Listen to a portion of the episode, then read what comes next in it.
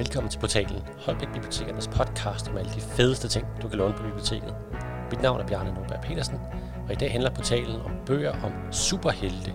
Og så ringer jeg til Bjarke Schødt Larsen og hører lidt om alle de fede bøger, han har skrevet.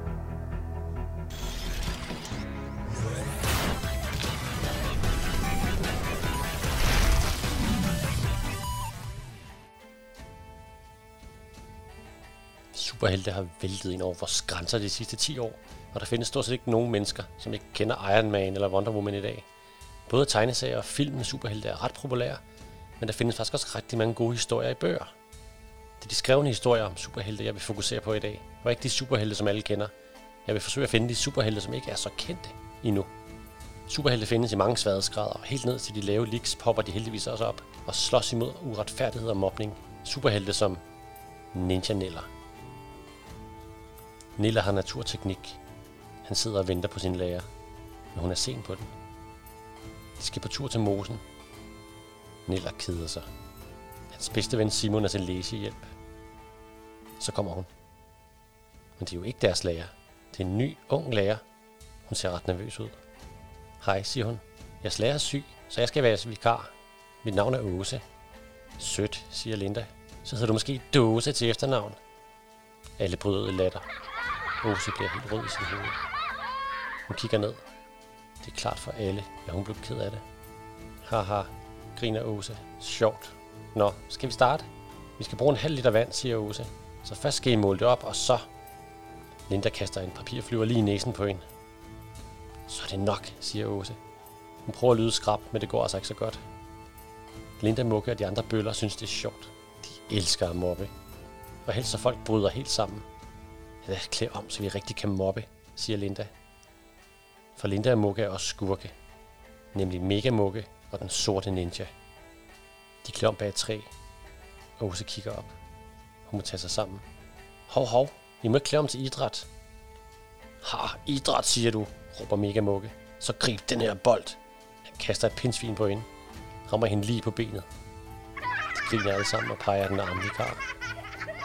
Nilla har fået nok så han klæder om til Ninja Nilla. Springer frem af busken. Så er festen slut, råber han. Den er først lige gået i gang, råber Linda tilbage. Nå, siger Mega Mukke. Hvor er din lille ven nu, lille ninja? Han slår Nellers våben ud af hånden på ham. Niller løber ned til vandet, kryber et par dunhammer og et par småsten. Så det er godt, at en ninja kan bruge alt som våben. Ninja Neller fra fuld blæs er skrevet af Rune Fleischer og udgivet gennem forlaget Så til Hest alle bøgerne har en likstal på mellem 5 og 7. Det handler om mobning, ninjaer og venskab. I ninjanellers verden er det let at være helt eller skurk. Man skal bare lave sig en dragt, og så sørge for at klæde sig lidt om, lidt for sig selv, og så kan man slås som en ægte superhelt. Niller er sådan en ganske almindelig dreng i 3. klasse, som er lidt genert og dårlig til sport. Men en dag ser han en dreng blive mobbet og blive troet med at få verdens største olfert. Det vil han ikke finde sig i. Han klæder sig ud som Ninja Niller og giver mobberne en ordentlig røvfuld de efterfølgende bøger får han flere og flere venner og flere fjender, og kommer ud for mange udfordringer. For alt fra wrestlers til håbløs hjertesover. Faktisk når bøgerne er kommet ret godt rundt om superheltenes normale univers, med tilbagevendende skurke, tvivl om sin egen rolle i samfundet, sidekicks og mange misforståelser. De korte historier er illustreret af Simon Bertelsen, som er virkelig god til at ramme en tegneseries action sat sammen med den meget korte tekst. Det er tempofyldt, spændende og ret sjovt, selvom mobning er et alvorligt emne. Simon er også ret god til at tegne små detaljer ind i tegningerne, som man kan opdage og grine af. Alle forsider med den let genkendelige røde baggrund. Det er utroligt, hvad nogle forfatter kan gøre med korte bøger med begrænset ordforråd. Men det er ikke så lidt nel at komme ud fra i de mange bind, som hænger sammen som en lang historie, selvom det er muligt at læse den uden at holde rækkefølgen. Samarbejdet mellem tekst og billede er ret godt skruet sammen og tyder på et ret nært samarbejde mellem Rune og Simon. Der er indtil videre udkommet 19 bøger i serien om Ninja Neller, og også et par samlede bind for at holde styr på det hele. Men det er kun drenge, som kan være seje superhelte og slås imod mobning. For det svenske marked kommer en manga-inspireret tegneserie i et let læst sprog. Historien om den røde maske. Da Lisa åbnede øjnene, svedede hun et par meter over sengen. Hun knep sig selv i armen flere gange for at finde ud af, om hun drømte. Men det var virkeligt. Hun fløj virkelig. Da hun var kommet over det første chok, føltes det bare helt fantastisk og ikke særlig farligt. At flyve var lidt som at flyde på vand, Lisa prøvede at tage et par svømmetag med armene. Snart var hun flået over i den anden ende af værelset. Hun satte af fra væggen og skød sig afsted som en kanonkugle mod den anden væg. I begyndelsen føltes det mærkeligt. Men Lisa begyndte straks at træne forskellige flyveteknikker. Hun afprøvede både langsomt og hurtigt afsæt. Hun øvede zigzag flyvning og fuld stop. Men det sjoveste var at lave flips, saltomortaler. Det kildede helt sindssygt i maven. Det føltes som om hun var helt fuld af tusind fjedre, der flimrede rundt inde i hendes krop. Eller som om hun var en kæmpe stor flaske boblende sodavand, som nogen havde tabt på jorden, og som ingen turde åbne, for så ville sodavandet sprøjte og sprutte ud overalt. Præcis sådan føltes det. Pyjamasen fungerede godt, ligegyldigt hvad hun gjorde. Men hvis hun skulle se ud som en rigtig superhelt, så hun brug for en maske til ansigtet. Hun sned sig ind i morfars værelse og hen til hans kommode. Netop som hun skulle til at trække skuffen med alle slipsene ud, så hun hans portræt på væggen. Hun blev usikker på, om han måtte have godkendt det, hun havde tænkt sig at gøre. Men det ser ud som om morfar havde nogen mening om det, og desuden var han død nu. Så Lisa trak slipseskuffen ud og fandt hurtigt et slips, som passede perfekt. Tilbage på sit værelse klippede Lisa hul til øjnene i slipset og bandt det rundt om hovedet. Hun grænskede sig selv i spejlet. Nu lignede hun en rigtig superhelt. Slipset gjorde i øvrigt, at hendes ører ikke længere var udstående. Perfekt. Det ville gøre hende hurtigere og skjule hendes sande identitet. Pludselig hørte Lisa en gammel mand råbe. Det var ikke i nærheden, men et sted langt væk i byen. Hjælp, hjælp, er der ikke nogen, der vil hjælpe mig? Betyder det her, at jeg også har superhørelse? tænkte Lisa. Det var måske alligevel ikke så dumt med store ører. Den gamle mand blev ved med at råbe, og Lisa forstod, at han havde brug for hjælp. Spørgsmålet var, om hun var klar. Hun gik hen til vinduet og åbnede det. Hun kiggede ned på jorden langt under sig og rystede på hovedet. Det her var vanvittigt. Hvis hun mislykkede, ville hun slå sig slemt. Jeg må prøve, sagde hun stille for sig selv. Hun fyldte lungerne med den kølige, lette natteluft. Håbede virkelig, at det her fungerer. Så kastede hun sig ud af vinduet. Det virkede. Hun fløj. Det var den mest fantastiske og eventyrlige Lisa nogensinde havde været med til. Hun havde mest lyst til at flyve rundt i byen og bare skrige ud i luften. Men hun havde jo en opgave, der skulle klares. Stille sejlede hun hen over hustagene og lyttede efter mandens råb. Hvem er du? spurgte den gamle mand, da Lisa landede på trappen foran ham. Det kan jeg desværre ikke fortælle, svarede Lisa. Er du en superhelt? Ja, det kan man godt sige, sagde hun lidt genert. Men jeg er kun lige begyndt, så jeg er ikke sådan super god. Endnu i hvert fald. Har du brug for hjælp med noget? Ja, mit navn er Paul Ponsonby Jones, og jeg er blevet røde. To frygtelige 20 stjal hele min møntsamling. Nå da, sagde Lisa. Hvordan så de ud? De var store og skræmmende og havde en lille grøn lastbil. De kørte i retning af havnen. Lisa lovede at gøre sit bedste og fløj væk. Håndbog for Superhelte Benet. Håndbogen er skrevet og tegnet af Elias og Agnes Vålund og udgivet gennem forlaget People's Press. Kan læses for syv år. Det handler om mobning, venskab og selvfølgelig superhelte. Historien foregår i en verden, som minder ret meget om vores. I hvert fald hvis man kan lære for superkræfter bare ved at læse om det i bøger. Og det vil være ret sejt. Lisa er lige flyttet ind hos sin mormor i Rosenhild, fordi hendes mor skal arbejde i udlandet. Men allerede fra første skoledag blev hun mobbet, fordi hun har ret store ører. Hun har ikke nogen venner her, og de samme tre drenge efter hende hele tiden. En dag, hvor hun gemmer sig på biblioteket, finder hun en mærkelig selvlysende bog. Den hedder Håndbog for Superhelte, og beskriver en masse superkræfter, man kan lære sig selv.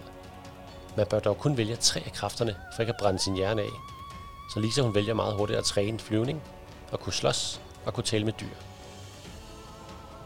Men der går altså ikke længe, før hun skal udføre sin første heltedåd, da en gammel mand får stjålet hele sin møntsamling. Men der er selvfølgelig også en ond skurt, kaldet chef med sted i byen, som skal besejres. De farverige illustrationer er fantastisk flotte, og med en smule inspiration fra manga til især personernes ansigter. Makkerparet forstår virkelig at beskrive følelser og har skruet en ret god historie sammen om, hvordan man starter en karriere som superhelt. Mellem kapitler er der flere sort-hvide tegninger fra håndbogen om superheltekræfter. Det er ret sjovt at følge de kræfter, som Lisa nu ikke valgte, og siderne er beskrevet, så man får helt lyst til at forsøge, om det nu virker at træne det. Forsiden viser flot Lisa i sin dragt foran en solnedgang med gule og røde farver. Man er ikke i tvivl om, det handler om superhelte. Historien er både spændende og ret sjov. Især scener, som da hun skal forsøge at flyve fra taget eller øve dyresprog på naboens rottweiler, er sjove og ret godt tegnet. Der er kredset for detaljerne i baggrunden, især når Lisa flyver højt hen over byen. Til sidste bogen er nummeret til børnelinjen, hvis man bliver mobbet selv, og også nogle af Lisas noter. Der er udkommet fire bøger i serien Håndbog for Superhelte. Håndbogen, Den Røde Maske, Alene og Ulven Kommer.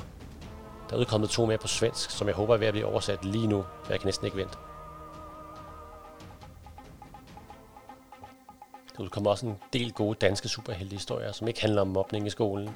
Flere af de bedste danske forfattere prøver deres version af genren. Når Benny Bøtker begynder at samarbejde med Peter Sneiberg, som jeg snakkede med i sidste udsendelse, så ryger bogen hurtigt ned ad hylden. Det kan være noget af en udfordring at finde et superheltenavn, som ikke er taget i forvejen. Men Benny har alligevel lavet historien om den sidste superhelt, Orion. Demonas åbner munden. Hans gale øjne spider mig. Jeg når ikke at gøre noget, før han udspyrer endnu en flamme. Jeg kaster mig til siden, men mister fodfæstet. Mærker varmen fra hans flamme. Hurtigt griber jeg ud. Får fat i en stolpe. Kan du lide min kys? råber han. Har du lyst til flere? Han vender sig og spyr ild igen. Denne gang rammer han min kind. Jeg skriger af smerte. Tager mig til kinden og mærker blod. Nogle synes dæmoner ser fjollet ud med sin røde dragt og de små djævlehorn. Men kun få har kæmpet imod ham og overlevet. I lang tid har jeg været på sporet af ham, men nu er jagten slut. I dag bliver alt afgjort. Jeg tror, du trænger til at blive kølet ned, råber jeg. Og så springer jeg op. Jeg kaster mig over imod ham. Rammer ham i siden med min stunner. Dæmoner sprøler og med. Han mister grebet. Falder. Men slår samtidig ud efter mig. Jeg taber mit våben. Mit sidste våben. Og så ser jeg på Dæmonas, der er landet under mig. Vi befinder os på den store bro, der forbinder Megapolis med fastlandet. Øverst oppe. Jeg holder godt fast. Regnen pisker ned over os, og vinden blæser kraftigt. Hvis man mister grebet, bliver man slynget væk. Og det vil være den visse død. Superkræfter eller ej. Lejen er slut, siger Dæmonas. Han hænger lige under mig. Tvivler på, at han kan gøre mig noget. Alligevel flytter jeg mig et par skridt. Der er ikke meget plads at bevæge sig på. Og for sent forstår jeg, hvad dæmoner ser ud på. Han slipper grebet. Kaster sig bagover. Laver en vending i luften og lander på bropillen foran mig. Han sparker ud efter mig. Han er skræmmer i ansigtet, ligesom jeg. Vores dragter er læset. Vores våben ødelagte. Vi har kæmpet hele dagen. Ingen af os har mange kræfter tilbage. Men Dæmonas spark føles, som at han kan i maven. Jeg gisper og bliver slynget bagud. Rammer bropillen. Synker ned. Hiver armene op for at forsvare mig. Men Dæmonas er allerede over mig. Jeg smutter nu, siger Dæmonas. Næste gang vi ses, bliver I helvede. Han åbner langsomt munden. Parat til at grille mig. Jeg lukker øjnene. Vil samle mine sidste kræfter. Jeg ved, at det er ham eller mig. Eller rettere sagt, at det drejer sig om mere end bare ham og mig. Jeg må besejre ham eller dø. Forvinder jeg ikke, vil hele Megapolis blive hans offer. Han vil smadre byen, plyndre alt, styre alt. Og hvis det ikke var for mig, ville hans planer for længst være lykkedes. Og så ville vi alle være slaver for Dæmonas nu. Farvel, siger han. Jeg ser ilden som i slow motion. Den vælter ud fra ham. En enorm flamme. Den bliver stærkere og stærkere som en eksplosion. Hvis ilden rammer mig, er jeg færdig. Men nu har jeg samlet styrke. Samlet alle de vældige kræfter, min krop rummer. Jeg kaster mig til siden. Ud i ingenting. Vender i luften og flyver tilbage mod Dæmonas. Han når at dreje sig en halv gang, men det er for sent. Jeg har allerede sparket ud efter ham. Hans flamme strejfer mig, men det er ingenting. Jeg kan knap mærke noget. En smule varme, det er alt. Beklager, siger jeg. Du er selv skyld i din skæbne. Det er som dæmoners vakler. Et sekund, så vælter han ud over siden. Han griber ud, men får ikke fat. Styrter ned langs bropillen. Jeg lander og stiger efter ham. Ser ned i mørket dybt under mig. Føler mig lettet. Med dæmoners besejret kan jeg endelig lægge denne dragt fra mig. Læg min våben ind i den hemmelige bunker. Jeg behøver aldrig mere optræde som Orion. Jeg har befriet Megapolis fra den største trussel. Der er ikke længere brug for mig. Ikke længere brug for en superhelt. Jeg kan bare være en dreng som alle andre. Ikke en freak med en hemmelig identitet. Ikke en, som aldrig kan fortælle om sine andre sider. Ikke frygter jeg en dag kommer til at misbruge de kræfter, jeg er født med. Jeg stiger efter Dæmonas. Han har ramt broen langt, langt ned. Og derfor ryger hans krop videre ned i havet. Ingen overlever den tur. Ikke engang en superskurk. Så ser jeg væk. Det er på tide at vende hjem. Orion, den sidste superhelt, er skrevet af Benny Bøtker og tegnet af Peter Sneiberg, udgivet gennem forlaget Gyldendal. Sagen har et sted mellem Lix 21 og 22. Det handler om identitet, ensomhed, det gode og det onde, og selvfølgelig superhelte. I denne verden er der ikke flere helte eller skurke. Orion slog den sidste skurk Dæmonas ihjel for et par år siden, og han har prøvet at leve som en normal dreng siden da. Hovedpersonen er en dreng, hvis navn aldrig bliver afsløret. Hans kraft er, at han er super stærk. men som en hel Batman er han godt udstyret med alverdens gadgets som lammer, infrarøde kikkerter og en jetpack. Historien starter med, at Orion besejrer den sidste superskurk, og så holder et års pause. En dag bliver han nødt til at bruge sine kræfter for at redde en lille pige, og her hører han, at Dæmonas er tilbage. Han tror ikke på det. Hvert fald ikke før flere bomber i byen sættes i gang, og skurken kræver, at Ryan overgiver sig, for ikke alle bomberne bliver sprunget på en gang. Der legendariske Peter Snyberg har illustreret historien om Orion, og billederne er fyldt med action fra den allerede kendte DC Comic-tegner. Flere steder med en lille tegneserie, som beskriver en handling eller en følelse. Forsiden viser Orion springende imod læseren foran en eksplosion, og viser ret tydeligt, at serien er altså fyldt med action. Bøgerne er ret korte, men samtlige kapitler er fyldt med action. Alle de kedelige kapitler synes at være sprunget over. Det går stærkt, men man savner dem ikke. Der er fire bøger i sagen om Orion. Den sidste superhelt, Tager i lufthavnen, Dæmoners fælde og den endelige kamp. Men så slutter serien også.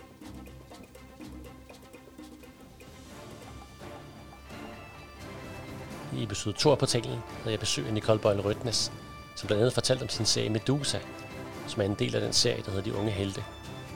Hvis vi skal have fat på resten af heltene for den serie, så skal vi have fat på hendes medforfatter, som står bag Nordlys, Skjold og Ghost. Jeg løber så hurtigt jeg kan, og når fra cykelkælderen ud i en gård, hvor jeg lidt kan hoppe over hegnet, videre. Bare løbe. Ikke tænke. Løbe. Glemme, at jeg har dragten med. Glemme, alt det, der skete dengang, ikke bare var noget, jeg fandt på. Glemme, at det er virkeligt. Bare løbe. Flygte. Uden at se mig tilbage. Jeg kan ikke længere høre deres motorcykler. I stedet kan jeg høre deres skridt. De løber også. Det er ikke godt.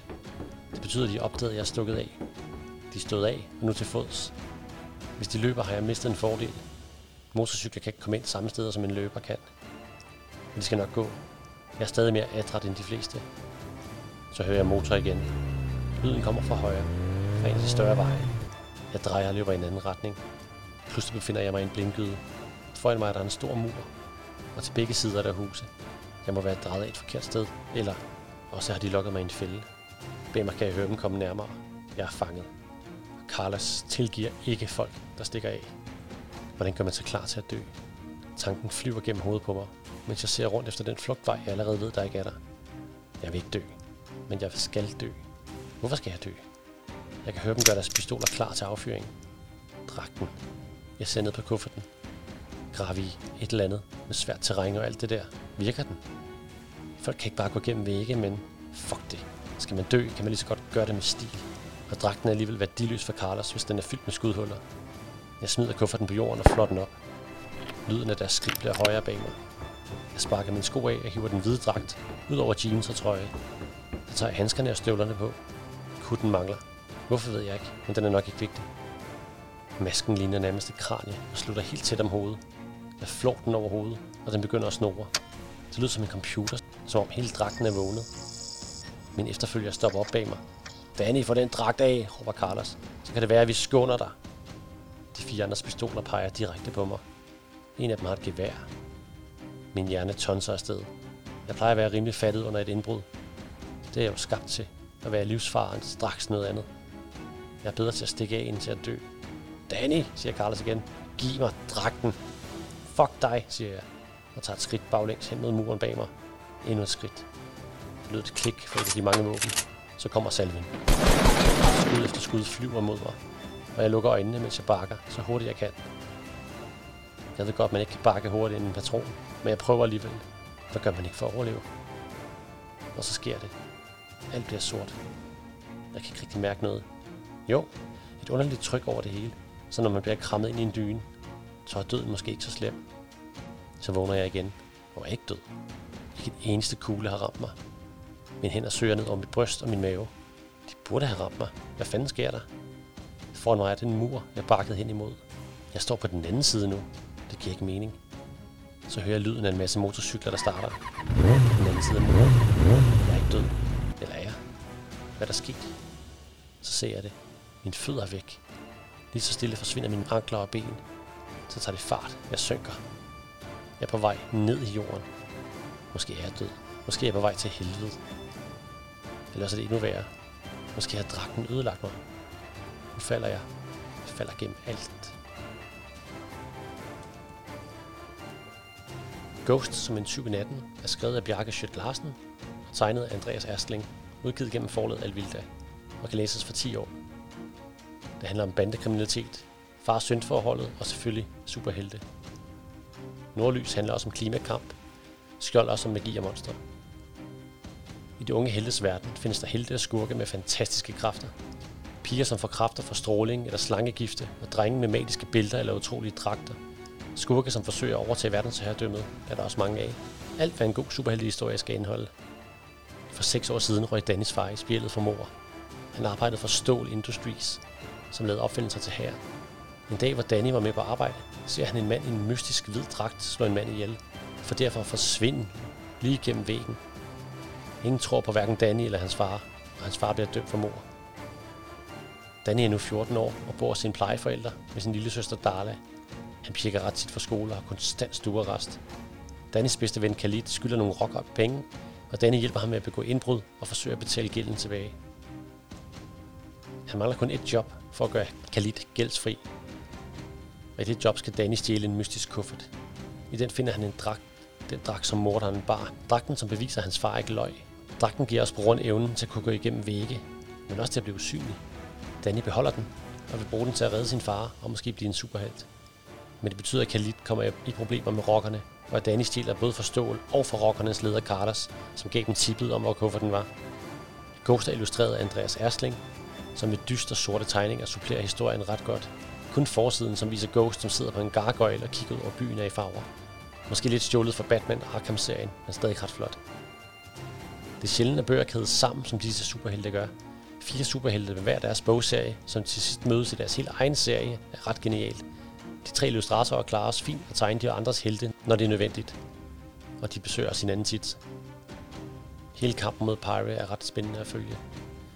Udkommet fem bøger om Ghost i første sæson af De Unge Helte, som har 14 bøger i alt. Men de første bøger af sæson 2 er også lige udkommet med endnu flere historier om heltene, og så en helt ny helt. Nu er jeg simpelthen ringet op til øh, Salina Larsen, eller Bjarke Schødt Larsen, som er, er hendes forfatternavn, øh, synonym. Og øh, tak fordi du er at komme. Ja, men tak fordi jeg måtte øh, komme. Det lyder så underligt at sige komme nu, men, men, men tak fordi jeg måtte, øh, måtte være med. Ja, det blev lidt opkald desværre. Det, de her coronatider, det ændrer jo nogle ting. Det, det, er, jo, det, det, er, det, er, det er jo sådan, det, det, det, det bliver nødt til at være. Så, men så, så er det jo egentlig godt, at vi skal snakke om masker i dag, og superhelte. Ja. Og det, lad, lad os lige starte med, med dig selv, fordi at, øh, du skriver som Bjarke Schødt Larsen, men hedder Selina Larsen. Kan du ikke lige forklare, hvorfor, til dem, der ikke ved det? Øh, jo, øh, jamen, øh, jeg øh, startede med at skrive bøger under Bjarke Schødt Larsen, som øh, jeg også har heddet. Øh, jeg er øh, transkvinde, og før jeg sprang øh, officielt ud, så øh, hed jeg Bjarke Schødt Larsen og skrev under det. Øh, og nu har vi ligesom aftalt, øh, mig og min forlag, øh, at, at de serier, der var gået i gang, afslutter vi lige under det navn, for at der ikke skal blive for meget forvirring. Øh, og så her til februar kommer de første bøger med mit rigtige navn på. Så, øh, så ja, det er sådan, det er sådan dejligt sådan, uh, øh, hvad, hvad, hvad sker der egentlig? Hvad foregår der? Så øh, ja. okay, så er det i hvert fald på plads. Øh, og så lad os yeah. snakke om superhelte. Jeg har lige læst lidt op for, øh, for Ghost, som var din, øh, din første bog. Øh, altså den første bog i den serie, der hedder De Unge Helte. Jeg bliver ja. nødt til at spørge, da du skrev den, var det så tiltænkt, at det skulle være en, en serie? Ja, for mit vedkommende var det. Øhm, øh, og det er faktisk en længere historie. Jeg har altid, som I altid drømte om at lave det her kæmpestore samlede univers med mange forskellige hovedpersoner, der til sidst samles. Øh, hvis vi går tilbage til nogle af mine ældre bøger, så er der en, der hedder Jeg er Frankenstein, som der kun kom en af. Men den var tiltænkt i en serie på tre Øh, og, og det var også meningen, der skulle komme andre bøger, som Jeg er Vareulven, og øh, Jeg er øh, Dracula, og, og Jeg er Mumien, og sådan nogle ting. Øh, sådan at, at, at, at de til sidst kunne samles og lave sådan øh, Monster Universe, øh, men det, det lykkedes ikke. Øh, og jeg trøster mig med, at det heller ikke lykkedes, for var det øh, Warner Brothers, øh, eller hvem var det, der også prøvede at lave et. Ja, så, øh, Cruise, ja. ja. Så, så det trøster jeg mig meget med. Øh, og faktisk, når du så siger, at Ghost er den første bog, øh, så, så er den jo også det officielt. Men hvis man læser Skjold 2, mener jeg det er, så er der et hint til, at øh, Frank fra Jeg er Frankenstein faktisk har været med i det her før det. Så lidt fik han faktisk sit samlede univers også. Ej, den fanger jeg slet ikke. Nu skal jeg læse den igen. Jamen, det er også noget så meget skjult. Det er noget, man, man skal lytte til, hvad øh, skurken der siger til, øh, til øh, skjold. Øh, men det, det er sådan, det, jeg, jeg synes, det er meget hyggeligt ligesom, at have den der med, fordi det er, det er to forskellige forlag, så jeg kunne ikke gøre noget sådan helt åbenlyst. Men for mig var det sådan meget rart ligesom at, at give Jeg er fangen sig en afslutning på den måde, når nu den aldrig fik det. Men, men ja, det var, Ghost var tiltænkt som en serie. Jeg afleverede øh, manuskriptet til øh, bog 1 øh, øhm, øh, til min øh, redaktør øh, og sagde, øh, jeg vil gerne lave det her. Øh, og han kiggede på mig og sagde, det, det kan man ikke. Øh, det, det, puha, skal vi ikke lige se, om det her det bliver en succes først, og sådan nogle ting. Jeg skal få lov til at lave nogle flere øh, øh, ghostbøger. Øh, og den kom til at stille meget godt, og jeg fik lov til at lave nogle flere. Øh, øh, så nu var der tre ghostbøger, så skulle jeg sige, ah, men det er måske også der, vi stopper. Måske ender den her, og sådan ting. Da vi nåede til Ghost 3, tænkte jeg jo så, jamen, i, øhm, i tv-serier har man gerne det, der hedder Backdoor Pilots, som er et afsnit i hovedserien, hvor man introducerer en karakter, men så gerne vil spinne off til en anden serie. Yes. Øh, og så tænker jeg, det gør jeg med Nordlys. Bum. Og så bliver Nordlys så sej, at, at de ikke kan lade være med at vil have flere historier med hende. Og inden da blev jeg så overhavet indenom øh, af min kone, Nicole Bøjle Rødnes, som sagde til mig øh, en dag, jeg vil også være med i det der superhelte, for det er pisse fedt, det du laver. og så sagde jeg, kan du så ikke lave en superhelt og sende den ind til, øh, øh til, til Alvilda, også vores forlag? Og så, øh, så kan du, altså så skal du ghost ind også, sådan at de arbejder sammen, for så kan de jo ikke lade være med at sige ja til det. Øh, og så på den måde fik vi sådan overtaget dem til, at nu skal vi have alle de her helte øh, og, og lave det samlede univers. Det er jeg så glad for, at I gjorde. jeg håber, ja, det... de lytter med. I snød dem. Jamen, det, det, og det, og det, er jo, det, er jo, det er jo nogle gange bare sådan, det er. Altså, vores redaktør har været pisseflink omkring det og alle sådan nogle ting. Øhm, og det er jo også rigtig nok, det, er, det, det var jo en kæmpe stor satsning. Kan folk forstå det her? Er folk med på lejen? Alle sådan nogle ting, ikke? Øh, og det har folk gudskelov været. Altså, det var meget lettet, og nu og vi, jo, vi, er jo, vi er jo i gang med anden sæson, så, så det bliver godt. Det er sikkert, at nu når Marvel Cinematic Universe blev så populært, og så, og så kommer der coronapause i sæson i, i fjerde uh, wave, ja. Fjerde Eller, wave, ja. Så, så, så, så passer det jo perfekt lige at få øh, de unge helte ind. Det, det, jamen, det er bare fedt. Altså, bror, jeg, jeg er så, så glad for den serie, jeg er så stolt af den serie, at det er bare sådan, nej. Ja. jeg synes også, at den er vildt god. Øh, for at snakke om øh, inspirationen for dine tre hovedpersoner.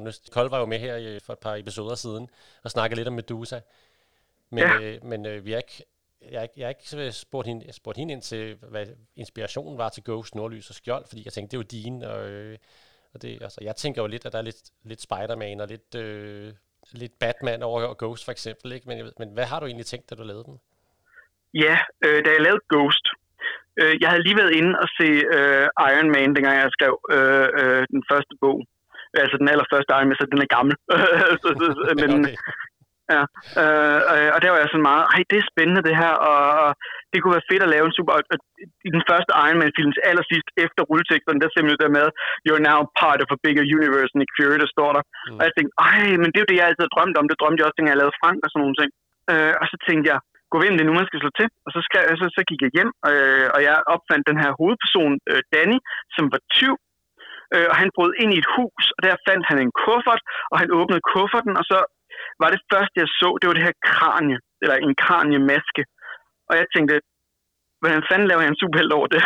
um, og så begyndte jeg sådan med en kranie, sådan spøgelse ting og alt sådan noget. Og han er en tyv, han er god til at komme ind steder, hvor folk ikke vil have. Hvad for nogle evner kan, kan bidrage til ham? Og så, så kom Daniel og, og ghoster lidt til på den måde, ikke? Mm. Um, og Danny er jo helt klart en, en, en, en Batman-karakter. Altså øh, den der øh, mystiske, jeg kan det hele selv, jeg øh, skal nok klare mig og alt sådan nogle ting. Så, så, så det var sådan meget, øh, da han ligesom blev lavet, det var det, han var. Øhm, og, og en, der bruger list i kamp og sådan nogle ting. Øhm, og så øh, fandt jeg på Nordlys. Først og fremmest skulle jeg bruge en, der kunne udfordre. Nordlys er jo skurk i, den, i Ghost 3. Mm. Øh, så jeg skulle bruge en, der kunne udfordre Danny. Når Dannys kraft er, at jeg kan gøre mig selv usynlig og urørlig, så er det rigtig svært at lade en stor, stærk person komme hen og slå på ham, fordi det kan man ikke. Men så tænkte jeg meget, hvad, hvad for nogle evner kan man bruge? Når jeg kan bruge en, der kan skade andre, for eksempel ved at springe i luften, så bliver Danny jo nødt til at gøre et eller andet aktivt. Så, øhm, så på den måde var jeg sådan meget, når man, det er det, hun skal. Hun skal kunne, kunne omdanne sig til en bombe. Øh, og så begyndte jeg også sådan med, at hun kunne skyde laser og, og flyve og sådan noget. Og så blev hun den der, øh, jeg kalder det Superman-karakteren, altså den mm. super stærke, øh, The Powerhouse AOE-effekt-personen, ikke? altså area of effect ting. Yes, ja. Øhm, og så begyndte jeg sådan virkelig at pakke mine superhelte noter ud. Øh, jeg har læst tegneserier siden tidernes morgen.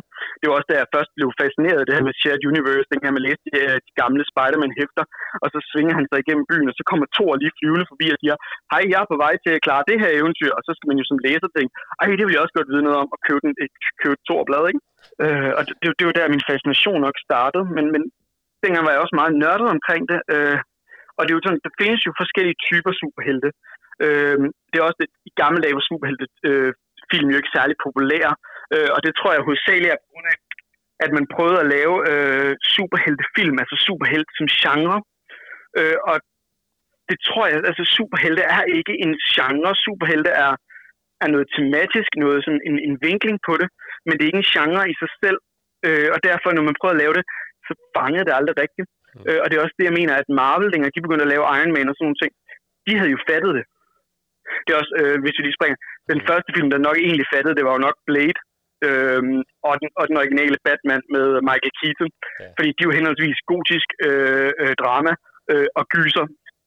Øh, I stedet for at være superhelte-genre, så er de nogle andre genrer, men med superhelte. Og Iron Man er jo helt klart science fiction og sådan nogle ting. Øh, og der lærte jeg så ligesom det der med, at det er det, man skal ligesom gøre. Hvad for nogle genrer arbejder vi med? Øh, hvor Nordlys jo helt klart er magisk funderet på grund af de grønlandske kræfter og, og sådan noget det her skjold også. Og så er der videnskab og alt sådan nogle ting. Så ja, øh, og superheltene kom meget af det der med dynamikker i den kontekst, ikke? Ghost er, er en tyv, der har stjålet en dragt. Medusa er skabt ved en ulykke. Hun er også, øh, hvor Ghost er snigeren, så Medusa er jo den der øh, øh, the, the loving monster, altså Hulk-karakteren, ikke? Ja. Øh, som er sådan med, åh oh, nej, jeg er grim og afskyelig og ond og uha, men, men, men, men du har et ønske om at gøre det gode. Øh, og ja, sådan, sådan fandt vi meget deres roller. Hvorfor Grønland og Grønlands øh, kultur? Øhm, øh, af to grunde.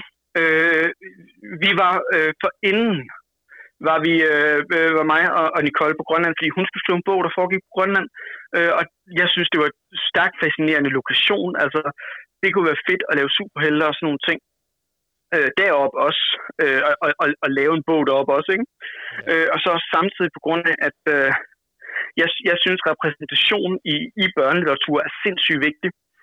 Øh, og, og derfor kunne det være fedt at, at have en grønlandsk person med os, øh, for simpelthen at få den der bredere forståelse af, at øh, jamen, der er mange forskellige slags altså, altså mennesker. Det er jo ikke bare kun hvide øh, øh, mennesker, der er, øh, der er superhelte, ikke?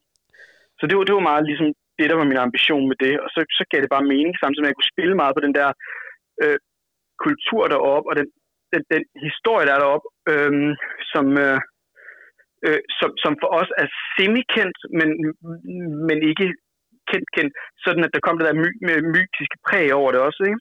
Ja. Øhm, så det var meget sådan, jeg, jeg, jeg, øh, at, at det lidt blev besluttet for mig, at det, det var vigtigt, at andre også kunne finde sig spejlet. Vi nævner det heller ikke med Danny, men, men, men Danny bliver oftest tegnet sådan lidt ambiguous, hvad for en, en hudfarve han har og sådan nogle ting. Og, og det samme med i, i, i mine fra, øh, fra Skjold. Altså helt klart en mørk person, ikke? Ja. Så, øh, så det er meget det. Det er simpelthen bare for, at det ikke skal blive for vidt, og for, nej, kun hvide mennesker kan være heroiske, fordi det, det tror jeg ikke engang selv på. Med skjold og hans så, øh, bælte, Altså, han er jo nærmest, ja. han er jo nærmest den, der, der mest minder om Hulk, ved den der store, halvusårlige gut, der kan holde, han hopper faktisk også som Hulk, når han skal bevæge sig. Jo, så. Men, ja. hvad, hvad tænkte du med ham?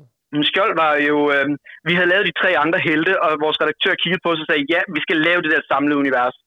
Øh, og vi kiggede på hinanden, mig og Nicole, øh, og sagde, jamen vi, vi mangler noget. Vi, vi mangler ligesom, fordi vi har øh, Ghost, som er sådan en ener, og vi har Nordlys, som, som er en, en, en stærk person, men hun er også meget sårbar. Øh, øh, og så har vi øh, øh, Medusa, som jo, som, som, som jo allerhelst bare gerne vil, vil være sig selv igen. Ikke? Mm. Øh, så, vi, så vi manglede ligesom en, og så begyndte vi sådan at snakke lidt om det, og, og kigge på de der måder, man kunne lave, sam, lave sammensætninger. Og så gik det bare op for os, at mm, det vi mangler, det er jo Captain America. Mm-hmm. Øh, ja, eller, eller, eller altså, det, Superman i, i Justice League, altså, vi mangler den der rolle, der var den heroiske, den stærke, øh, øh, øh, sådan kunne, kunne klæde at sige, jamen, det er mig, der er lederen, eller føreren, eller et eller andet, ikke? Ja. Øh, og så blev det sådan meget, jamen det er det, vi skal. Og så, øh, begyndte jeg sådan lidt at rode med det, og vi manglede også en, der var sådan stærk, stærk med muskler, ikke? Mm. Øh, og så, så kom det sådan meget, jamen det, det kunne være ham her skjold, skjold også så meget, altså så kæmper han med Holger Danskes øh, styrkebælte øh, og, og, og, og kræfter, og der bliver noget mytisk der. Og så kom det sådan meget lige pludselig, at nå ja, sådan nogle ting. Men hvordan gør vi ham ikke generisk? Hvordan gør vi, at skjold ikke bare bliver sådan en, jeg er den seje, hej, her kommer jeg og redder dagen, fordi det bliver også meget kedeligt, specielt når vi har et univers med Ghost og Nordlys og Medusa, som jo er meget sådan dybe karakterer, der, der har andet at komme med, ikke? Og så gik det sådan op for mig lige så stille, at hvad nu hvis, hvis ham, der var skjold, Simon, faktisk slet ikke var super legnet. Altså han var blevet udvalgt til det, bæltet udvælger jo ham, men han, han egner sig ikke til det. Han er ikke særlig heldemodig. Han er ikke særlig sådan, altså, han er også sådan, hvad skal jeg gøre? Jeg har fået de her kræfter, og jeg kan også godt se, at det er mig, der bliver nødt til at bruge dem for at redde verden. Men hvad skal jeg gøre? Og så gav jeg ham den der øh, øh ven, som, som, som, som ligesom kunne, øh, kunne, kunne guide ham øh, og, og være der altså, over, over nettet. Han har jo altid en øresnegl i, så hun kan sidde og guide ham over computeren og sådan noget. Og det var bare sådan, det giver mening. Så kommer der noget spændende samtidig med, at han kan, han kan snakke øh, med nogen og reflektere øh, gennem dialog over de ting, de oplever og sådan nogle ting. Så det var meget sådan, at, at han ligesom opstod som... Altså, vi havde brug for en, der kunne være stor og stærk, men hvordan gjorde vi det på en måde, så han ikke bare blev, nu skal jeg også være her. Så opdagede du i, øh, i Ant-Man 2, at der rent faktisk kom en skurk med, der, øh, som havde stort set samme kræfter som Ghost og samme navn? Ja, øhm, det gjorde jeg, og jeg var sådan helt, ej, hvor kæft var det irriterende.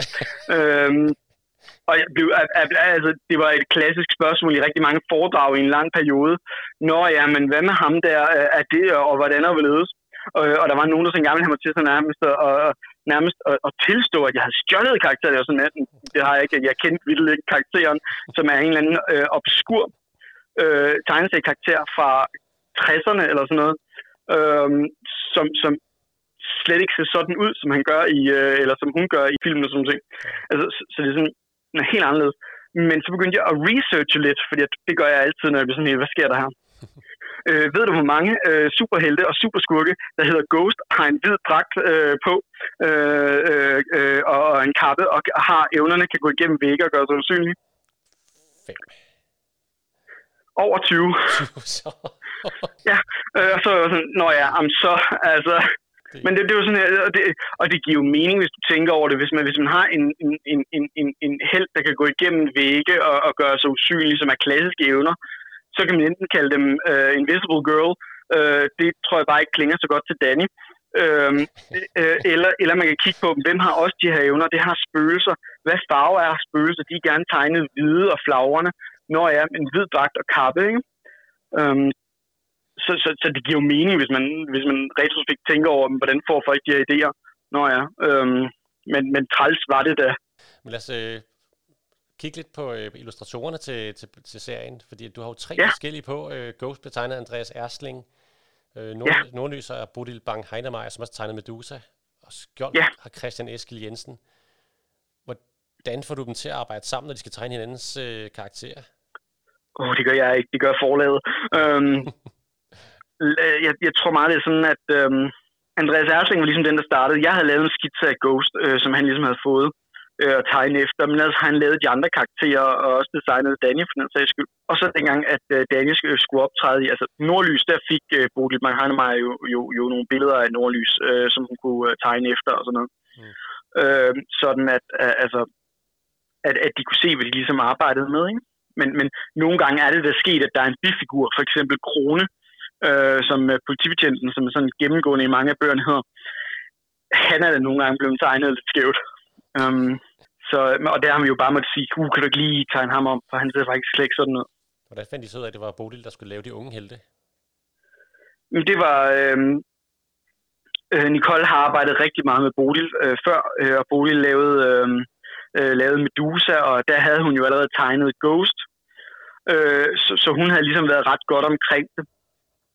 Øh, og så, så synes vi, hun har sådan en streg, der er meget sådan, altså, det er meget let at gå til, og, og når man skal have fire helte, som faktisk øh, altså, fortæller hver sin egen genre, så, så, så tror jeg, det er et eller andet sted er meget vigtigt at have øh, en, en streg, der, der, der, der er til at gå til også, så man ligesom kan se, hvordan de er støbt sammen. Øhm, så, så, så ja, øh, og så havde hun jo også tegnet Nordlys, så det kan mene, hun har tegnet flest det, ikke? Mm. Altså. det er også hende, der tegner øh, den, den femte held, som snart kommer og sådan nogle ting. Ja. Det var lige at spørge om fremtiden for serien faktisk. Øh, altså, nu hørte jeg fra Nicole, at der kommer en øh, sæson 2, og det måske bliver den sidste. Ja, det passer ikke. det, er godt at høre. det, det, passede på den tid, det tidspunkt, vi snakkede sammen. Øhm, men, men ja, altså, jeg troede jo allerførst, at jeg kun fik lov til at lave tre ghostbøger. Øh, og så kom øh, øh, Medusa ind i det hele, og så øh, fik vi lov til at lave første sæson, ligesom skulle kulminere i de unge helte, og så var det også slut. øh, og så fik vi lov til bagefter at lave øh, øh, et sæson mere, fordi det gik faktisk rigtig godt og sådan nogle ting, og forladet var sådan meget, det er jo fedt, det I laver, og så gik vi, slog vi hovederne sammen og sagde, jamen, hvordan bygger vi videre på det her? Øh, og så fik vi at vide, men så er det også slut efter sæson 2. øh, så vi havde ligesom bygget op til det her store, episke, nu skulle det ligesom runde helt af uh, Infinity War og Endgaming. Uh, og så kiggede uh, vores redaktør på os uh, her uh, lidt før jul og sagde, uh, men vi regner jo med, at der kommer en sæson 3. uh, og så blev vi jo lidt taget på sengen og sådan lidt, nå, uh, okay, um, jeg havde lige afleveret øh, Skjold øh, 4, øh, som skulle øh, starte det her kæmpe store øh, ting, der skulle blive en del af, af, af, af de unge helte øh, 3 og 4. Øh, vores udgave Civil War. Øh, så, så det var sådan, nå, jamen, jamen jeg har sådan lidt øh, sørget for, at der ikke kan komme så mange flere serier, uden at vi skal omtænke hele konceptet. Nå, jamen, så måtte vi jo gøre det. så der kommer en sæson 3, øh, og det bliver meget det samme, men også noget helt andet. Øhm, for det, det tror vi også, vi trænger til efter to sæsoner. Du skal have virkelig mange tak, fordi du gad at være med i dag. Jamen, øh, det, det er mig, der takker. Det, jeg synes altid, det er hyggeligt bare at stå og snakke om superhelte. Hej. Hej. Ret mange superheltehistorier er mørke og dystre. Men der findes også nogle, hvor humoren er det vigtigste. Børn, som måske virker lidt unormale og som en belastning for samfundet. Men når så fjender som rumvæsener tror, så viser det sig, at de er noget helt specielt – for de er specielklassen. Luften var lummer og fugtig ude på gangen. Det var kvalmende at få den ned i lungerne, og den syntes næsten at smage af et eller andet muggent. Det fik med det samme sveden til at lægge sig klam på deres kroppe. Nick og Line var stadig nøgne og måtte flere gange tørre sveden af med hænderne. Jakob havde ikke ville give noget af sit tøj fra sig. Han var stadig iført sin Spider-Man natpyjamas. Nick var bange for, at polakken ville få et anfald, hvis de insisterede. Line havde meget tydeligt ikke været enig, men hun havde ikke sagt noget. Fordi alarmen var stoppet, kunne de bedre høre de mange bankende lyde fra et uvist sted længere fremme i den enorme anlæg, som de antog måtte være et rumskib. De brede gange, hvor 10 personer kunne gå side om side med udstrakte arme, uden at røre væggene, gik på kryds og tværs. Børnene mistede hurtigt orienteringen og havde kun et valg, nemlig at fortsætte mod lydene. Af og til rystede skroget af eksplosioner. Når det skete, kryb de tre undslippende ud til siden og op ad de slimede metalvægge med alle de blinkende tegn – på grund af deres forsigtighed kom de kun langsomt frem. Hvordan slap du egentlig fri, Jakob? spurgte Nick med en af disse anledninger, hvor de krøb rystende sammen og håbede på ikke at blive opdaget. Jeg skriver mig ud, mumlede Jakob allerbærest og forsøgte at gemme sig bag monsterlammen. Hvordan? Jakob proved different logarithms. En af dem shut down the system. Kaput. Sniknap. Kan du forstå det hele? Jakob trak på skuldrene. Måske, som jeg siger, i den her sprog, der ligger alfabet i logaritmens Jasprneski, mumlede han hen over den slitte kæmpe arm. Måske jeg kan læse anden control dem. Eksplosionerne stoppede. De tre undslippende fanger kantede sig videre. Er det ikke dumt, at vi ligefrem opsøger balladen, viskede Line bag Nick, der var forrest. Hendes knor var hvide af at holde krampeagtigt hårdt om laseren. Der lød støj bag dem. Klierne og hurtige fodtrin. Mange. Børnene snurrede alle tre rundt. Nogen eller noget var på vej. Der er en dør længere frem i højre side viskede Nick. Kan du åbne den, Jakob? Jakob forsøgte med panelerne ved siden af skydedøren og begyndte som en besat at taste på skrifttegnene på væggen og gulv. Han mumlede hver gang det mislykkedes. Til gengæld fik han skudt mærkelige skum ud fra væggene og underligt vinende musik lød omkring dem. Begge gange fik han det stoppet meget hurtigt med at trykke samme kombination igen. Det er der næsten, pep Line og krammede laseren endnu mere nu. Hun så sig bange over skuldrene. Bum, bum, bum, lød lyden af, af tunge fodtrin bag dem. Tættere og tættere på. Om få sekunder vil en stor gruppe af væsnerne sikkert komme til syne i gangens runding. Gør jeg klar, beordrede Nick og hævede skalpelsværet til slag.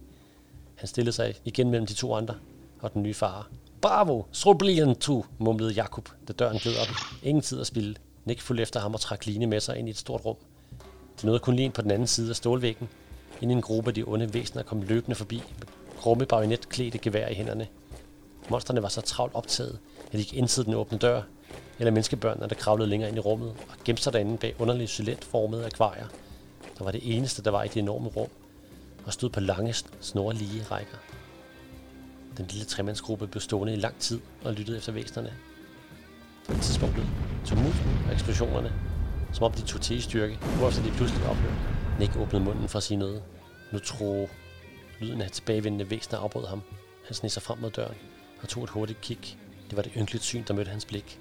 Mesterne kom i stor fart retur, haltende eller bærende på nogle af deres egne, men de efterlod et sneglespor af mere neongrønt blod, slim og madikker. Nogle af uhyrene lød, som om de jamrede på deres groteske sprog. Andre lød, som om det var gråd.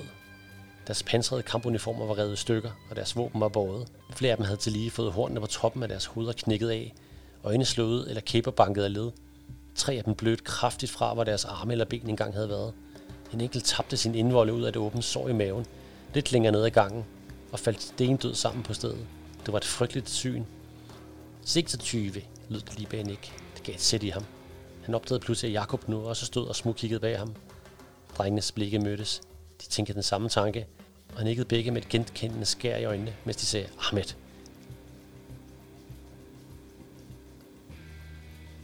Specielt klassen 1, jordens største helte, er skrevet af Jakob Kokkedal og udgivet gennem forlaget Facet. Den har et likstal på 32. Det handler om rumvæsener, science fiction, venskab og også lidt om superhelte. Specielt klassen foregår i en verden, som godt kunne være vores. I hvert fald, hvis der rent faktisk findes aliens, som er utrolig interesserede i at invadere jorden. Hovedpersonerne er børnene fra Anemone-klassen fra specielt skolen Solgården. Der går kun fire børn i klassen, men det er så meget heldigt, at der ikke er flere. Jakob er fra Polen og kan ikke lade være med at tælle alt. Han går altid med høreværn, og hvis nogen er dum nok til at fjerne den, så går han fuldstændig besærk. Ahmed arbejder på sin fars pizzeria, og har nervøse tics. Hans hoved blev klemt ved fødslen, og det betyder, at han siger og gør nogle lidt underlige ting og går amok uden grund. For eksempel taler han arabisk, selvom hans familie faktisk er fra Persien. Philip er en tyk rødhåret dreng, som altid går rundt med sin bamse, Simon Emil Amesbøl. Man siger, at autister altid er god til én ting. Og der er også en ting, Philip er rigtig god til. At skrige. Han skriger konstant og altid, og så er han bumstærk. Og hvis nogen rører ham, så jagter han den uheldige med diverse møbler, han kan få fat i i nærheden. Nick, som er historiens fortæller, er 11 år og totalt fejlanbragt i klassen. Hans far forlod dem, og hans mor græd konstant i flere uger. Hun mistede sit job, og Nick måtte stå for alt i huset. Det betød, at alt blev stillet snorlige op, også i skolen. Og det misforstod lærerne som, om han var speciel, og derfor havnede han i specialklassen. Naboens ko er blevet brændt til aske, og patienterne på det lokale sindssygehospital findes hver morgen fuldstændig rædselslagende. Det skyldes, at rumvæsenerne klunkmorkerne er ved at invadere jorden, men de har fået fat på noget kaldet tegneserier, som varsler om mægtige kriger, som beskytter jorden. De beslutter sig for at fange og prøve at undersøge nogle børn, for at finde ud af, om de her superkræfter faktisk er ægte. De fanger Nicks nabo Line, og så snupper de også lige helt specielt klassen. Det skulle de aldrig have gjort. Forsiden er designet af Peter Nielsen og viser specielt klassen på eventyr i rumskibet. De er dækket af slim og har en afrevet alienarm med sig. Bag med Ahmed vokset til en kæmpe, der er et par få sort-hvide tegninger inde i bogen, men de gør ikke noget specielt for historien. Bøgerne er forfriskende ligeglade med politisk korrekthed og tør grin med alt og alle, som en kombination af South Park og X-Men. Man griner igennem både sjove scener, mystiske sammenligninger og de utallige referencer til andre medier. Bøgerne er fyldt med voldelige scener, hvor der rives arme af og hoveder, der eksploderer, men det bliver altid holdt i en let humoristisk tone. Der er udkommet tre bøger i serien om specialklassen, og to mere af den efterfølgende serie, der hedder Børnene fra specialklassen. Stilen med humor og sindssyge udfald holdes fint gennem hele serien. Men der kommer også en del superheltehistorier for lidt ældre publikum, og vi skal tilbage til 2015 for at finde den bedst fortalte superheltehistorie, jeg nogensinde har læst. Faktisk er det lige nu den bedste bog, jeg nogensinde har læst. Historien om David og Goliath, skrevet om til kampen mellem almindelige mennesker og den overmenneskelige stålhjerte. Jeg har set det bløde. Det skete for 10 år siden, da jeg var 8. Min far og jeg befandt os i Unionsbanken på Adams Street. Jeg satte mig på knæ på en stol, der var alt for stor til mig, og betragtede strømmen af mennesker. Jeg kunne godt lide at betragte mennesker. Ansigternes forskellige fasonger, frisyrerne, tøjstilene, udtrykkene. Alt udtrykte så meget variation dengang. Det var spændende. David, vær nu sød og vente rundt, sagde min far. Han havde sådan en blød stemme. Jeg har aldrig hørt om hævden, tændte den ene gang ved min mors begravelse. Tanken om hans smerte den dag gav mig stadig kuldegysninger. Vi sad ude i siden af bankens centrale rum, i en af de båse, der hørte under pantafdelingen.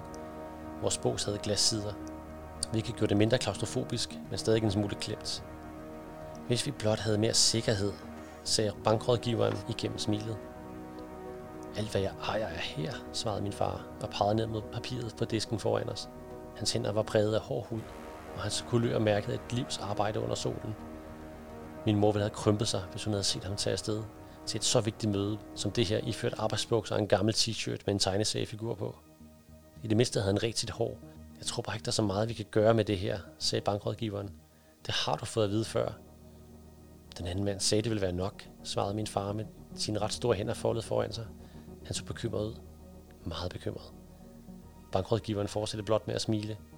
Altså, sagde bankrådgiveren og foldede hænderne på bordet ved siden af en fotoramme, der viste et gruppebillede af smilende etniske børn.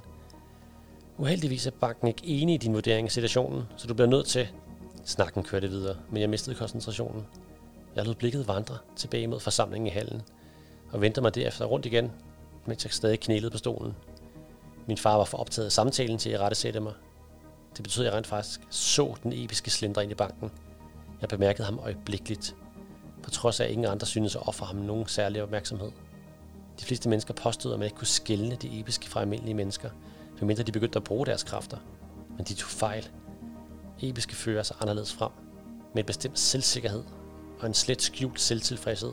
Jeg altid kunne spotte dem. Selv som barn var jeg klar over, at der var noget anderledes for denne mand. Han var iført et skræddersyet sort jakkesæt og en lys trøje indenunder. Intet slips. Han var høj og slank, men robust, ligesom de fleste episke er. Det var tydeligt selv gennem tøjet, at han var muskuløs og markeret. Han trådte ind i rummets midte. Et par solbriller hang fra hans brystlomme, og han smilede, da han tog dem på.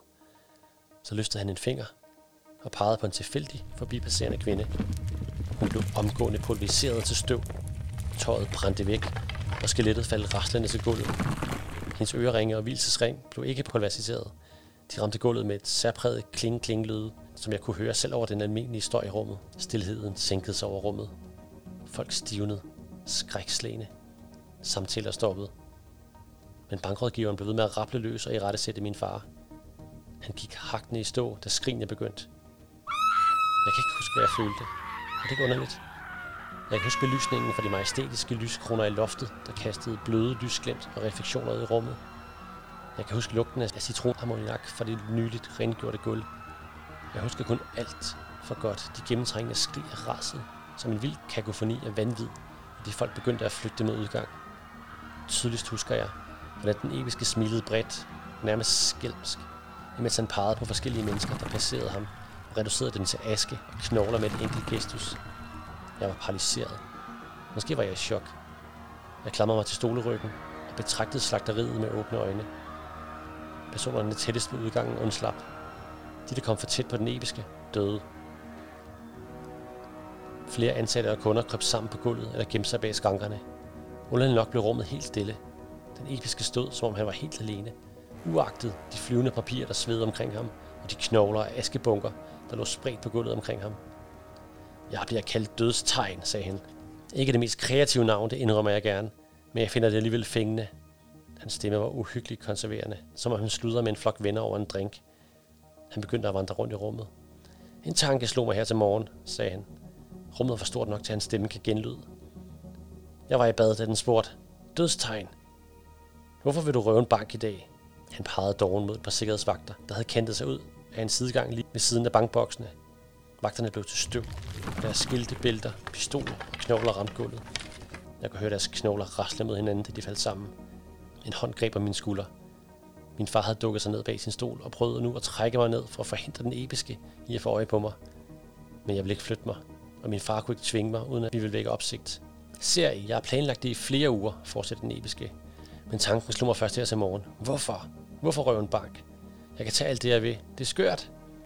Han sprang over skranken, hvilket forsagede et skrig fra den kasserer, der lå skjult bag den.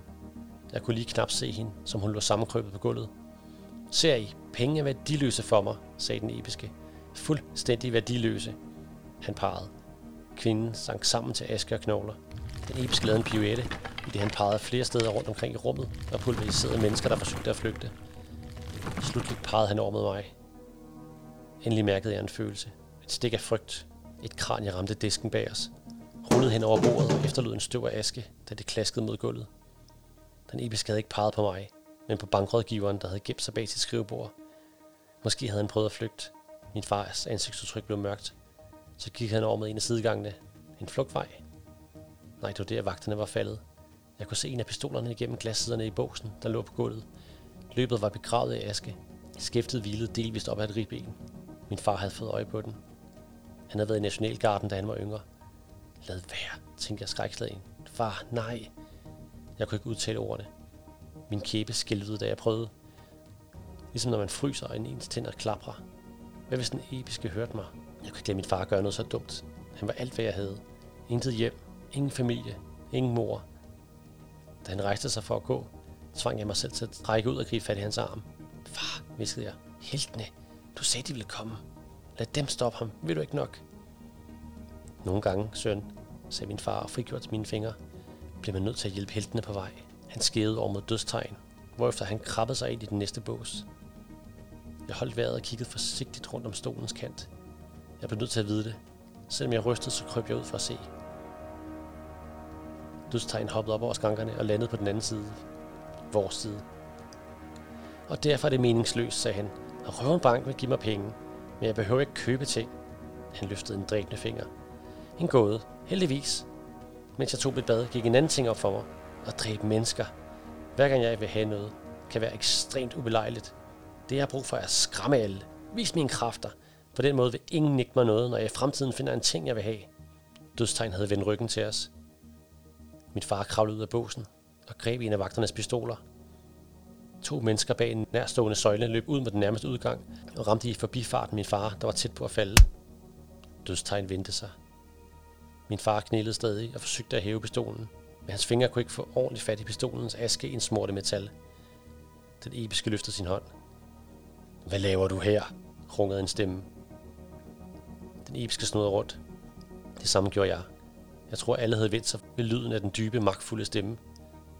En skikkelse stod i døråbningen ud til gaden. Han var oplyst bagfra. Nærmest ikke andet end en silhuet, på grund af det klare sollys bag ham. En helt og aldeles fantastisk og ærefrygtindgydende silhuet. Han var klædt i sort og bare ingen maske, som de fleste episke ellers gjorde. Den tætsiddende trøje fremhævede en umenneskelig stærk og bred brystkasse. Bukserne sad løst om benene, og en strålende sølvkarpe svarede bag ham. Han behøvede ingen maske. Denne mand havde ingen grund til at gemme sig. Han bredte sine arme ud, og kraftigt vendte fik dørene på begge sider til at flyve op. De mange bunker aske fløj hen over gulvet, og papirerne vivlede op i luften. Stålhjertet hævede sig en smule op i luften med karpen flagrende bag sig. Han begyndte at svæve fremad ind i rummet. Armene var robuste som bjælker, benene massive som bjerge, nakken kraftig som en træstup. Dog ikke overdrevet eller akavet, nærmest majestætisk. Understreget af det dybt sorte hår, den faste kæbe, den utrolige fysik og en højde på godt og vel to meter. Og øjnene. Et par intense, krævende, kompromilløse øjne. Da Stålhjerte elegant fløj ind i rummet, løftede dødstegn hurtigt en finger og pegede på ham. Stålhjertes trøje syede på det lille område, som om det var en cigaret, der var slukket i trøjen. Men det var det eneste tegn på dødstegns kræfter. Stålhjerte svedede ned ad trinene og landede blidt på gulvet i kort afstand til dødstegn, mens den enorme karpe flagrede omkring ham. Dødstegn pegede igen, denne gang mere hektisk. Endnu en svag siden.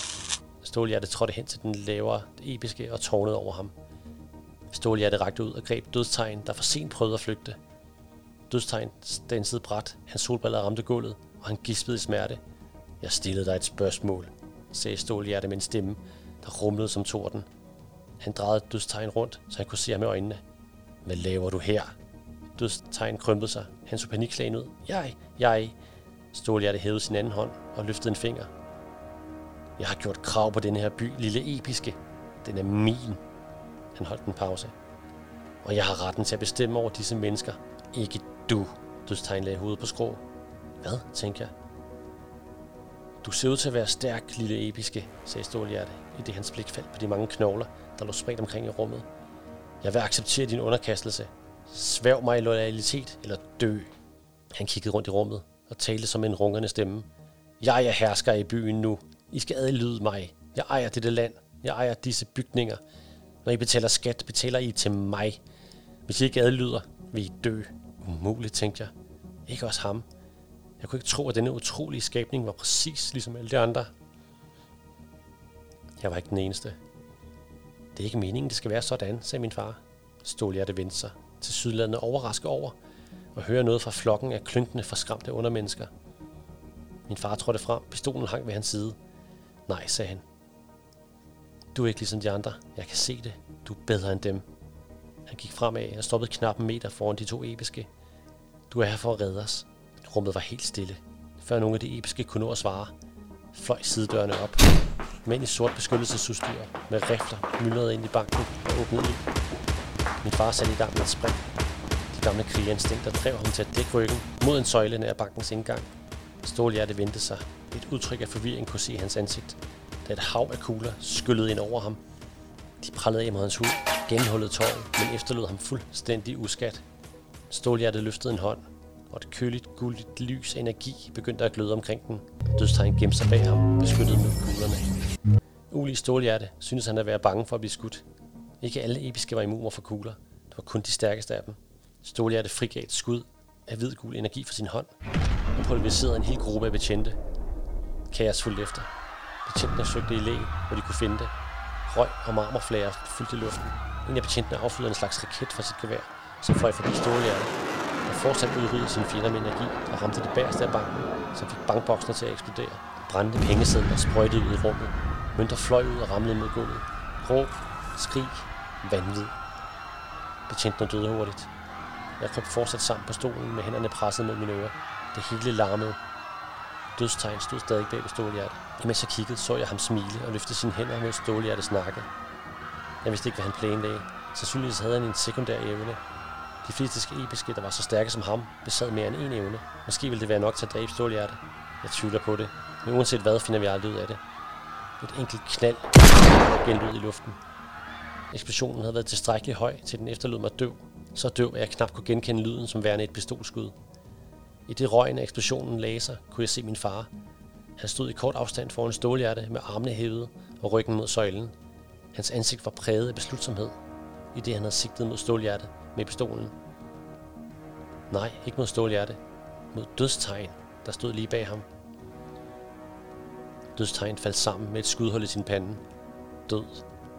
Stålhjerte vendte sig hastigt og betragtede den mindre episke. Så vendte han sig atter mod min far og løftede en hånd op til sit ansigt. Der, på Stålhjertes kind lige under året, var han linje af blod. Først troede jeg, at det måtte være for dødstegn, men da Stålhjerte tørrede det væk, fortsatte det med at bløde. Min far havde skudt dødstegn, men kuglen havde baseret Stålhjerte først og havde strejfet ham på kinden. Den kugle havde skadet Stålhjerte, mens alle betjentenes kugler var prallet af. Det beklager jeg, sagde min far nervøst. Han rakte ud efter dig, ja. Stålhjertes øjne blev store, og han løftede hånden op foran sig, betragtede sit eget blod. Han virkede fuldstændig forbløffet. Han kastede et blik ned på boksene bag ham, og vendte sig så mod min far igen. I skyen støv og røg stod to figurer for hinanden. Den ene var en massiv, majestætisk episk. Den anden en lille hjemløs mand med en fjollet t-shirt og slidte bukser. Stålhjerte er skrevet af Brandon Sanderson, som vi måske bedst kender, fordi han fortsatte Robert Jordans serie Wheel of Time, da han selv døde og ikke kunne skrive den færdig. Bogen er udgivet gennem forlaget Dreamlit og kan læses fra gode læsere fra 12 år. Det handler om science fiction, fantasy og selvfølgelig superhelte. I en ikke så nær fremtid dukker en mystisk rød meteor op på himlen. Nyhederne kalder den kalamit og frygter, den vil slå ned i jorden, og alle vil blive udslettet. Men i stedet for bliver den bare hængende som en ny måne hen over jorden. Fra den dag begynder tilfældige mennesker over hele jorden at få superkræfter. Nogle kan løbe hurtigt, andre kan flyve, nogle får evnen til at aldrig genoplade sine pistoler. Ens for alle, der får kræfter, er dog, at de alle vælger at blive superskurke. Der er ikke nogen superhelte i Kalamits verden. De stærkeste af disse episke, som de bliver kaldt, overtager byen og slår regeringen og herren ihjel. De almindelige mennesker må bare rette sig ind for ikke at blive udslettet. Den stærkeste af de episke hedder Stålhjerte. Han er som en ond supermand, der er usårlig og kan skyde med stråler ud af hænderne. Han kan også forme alt omkring sig om til stål, og det er grunden til, at han hedder Stålhjerte. For 10 år siden var David Charleston i en bank og oplevede, hvordan Stålhjerte blev såret. Ingen andre i hele verden ved, hvordan Stålhjerte fik sit ar. Fordi han dræbte alle, der var til stede i banken den dag. Det troede han i hvert fald. Men David overlevede, og nu vil han have hævn. Som 18-årig forsøger han at finde den modstandsgruppe, som kalder sig fortropperne. David har brugt 10 år på at samle oplysninger om de episke, fordi han har fundet ud af en hemmelighed. Alle episke har en svaghed. Det kan være vand, det kan være rockmusik. Der er altid noget, der gør, at de mister deres kræfter. Og hvis alle episke har en svaghed, så må Stålhjert også have en. En, som blev udnyttet i banken for 10 år siden. David opsøger fortropperne Tia, professoren Abraham og Megan, som hver har deres job i gruppen. De gik meget for ham i starten, men kender ikke nogen andre i hele verden med Davids kvalifikation, for han har set Stålhjerte bløde. Forsiden er designet af Peter Skyt Poulsen og viser silhuetten af, hvad man tror er Superman foran en grå og ødelagt bygning. Den signalerer en dyster historie om superhelte, og det må man sige, det er. Stilen holder til de andre forsider, meget bedre end de amerikanske forsider, som virker ret dogne designet. Stålhjerte er spændende fra start til slut, og indeholder også en del humor. Man prøver hele vejen at regne ud, hvad de episke svagheder er, og ret tit kan man også regne det ud. Hovedpersonerne er forskellige i en stil, der grænser til heltegruppe-genren, og svinger mellem humor og alvor. Det betyder, at man aldrig keder sig, og det er virkelig svært at regne ud, hvad der sker, når der dukker plot, twist og overraskelser op. Serien er så populær i USA, at der også er kommet et Dice Management brætspil, hvor man skal beskytte byer med hver sine karakterer, og nogen taler om, at der også er en film på vej.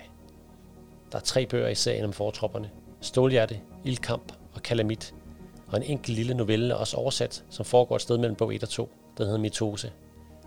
Brandon Sanderson har skrevet den første bog i en ny serie kaldet Apocalypse Guard, som muligvis foregår i den samme univers som Stålhjerte, og jeg håber virkelig også, at den bliver oversat.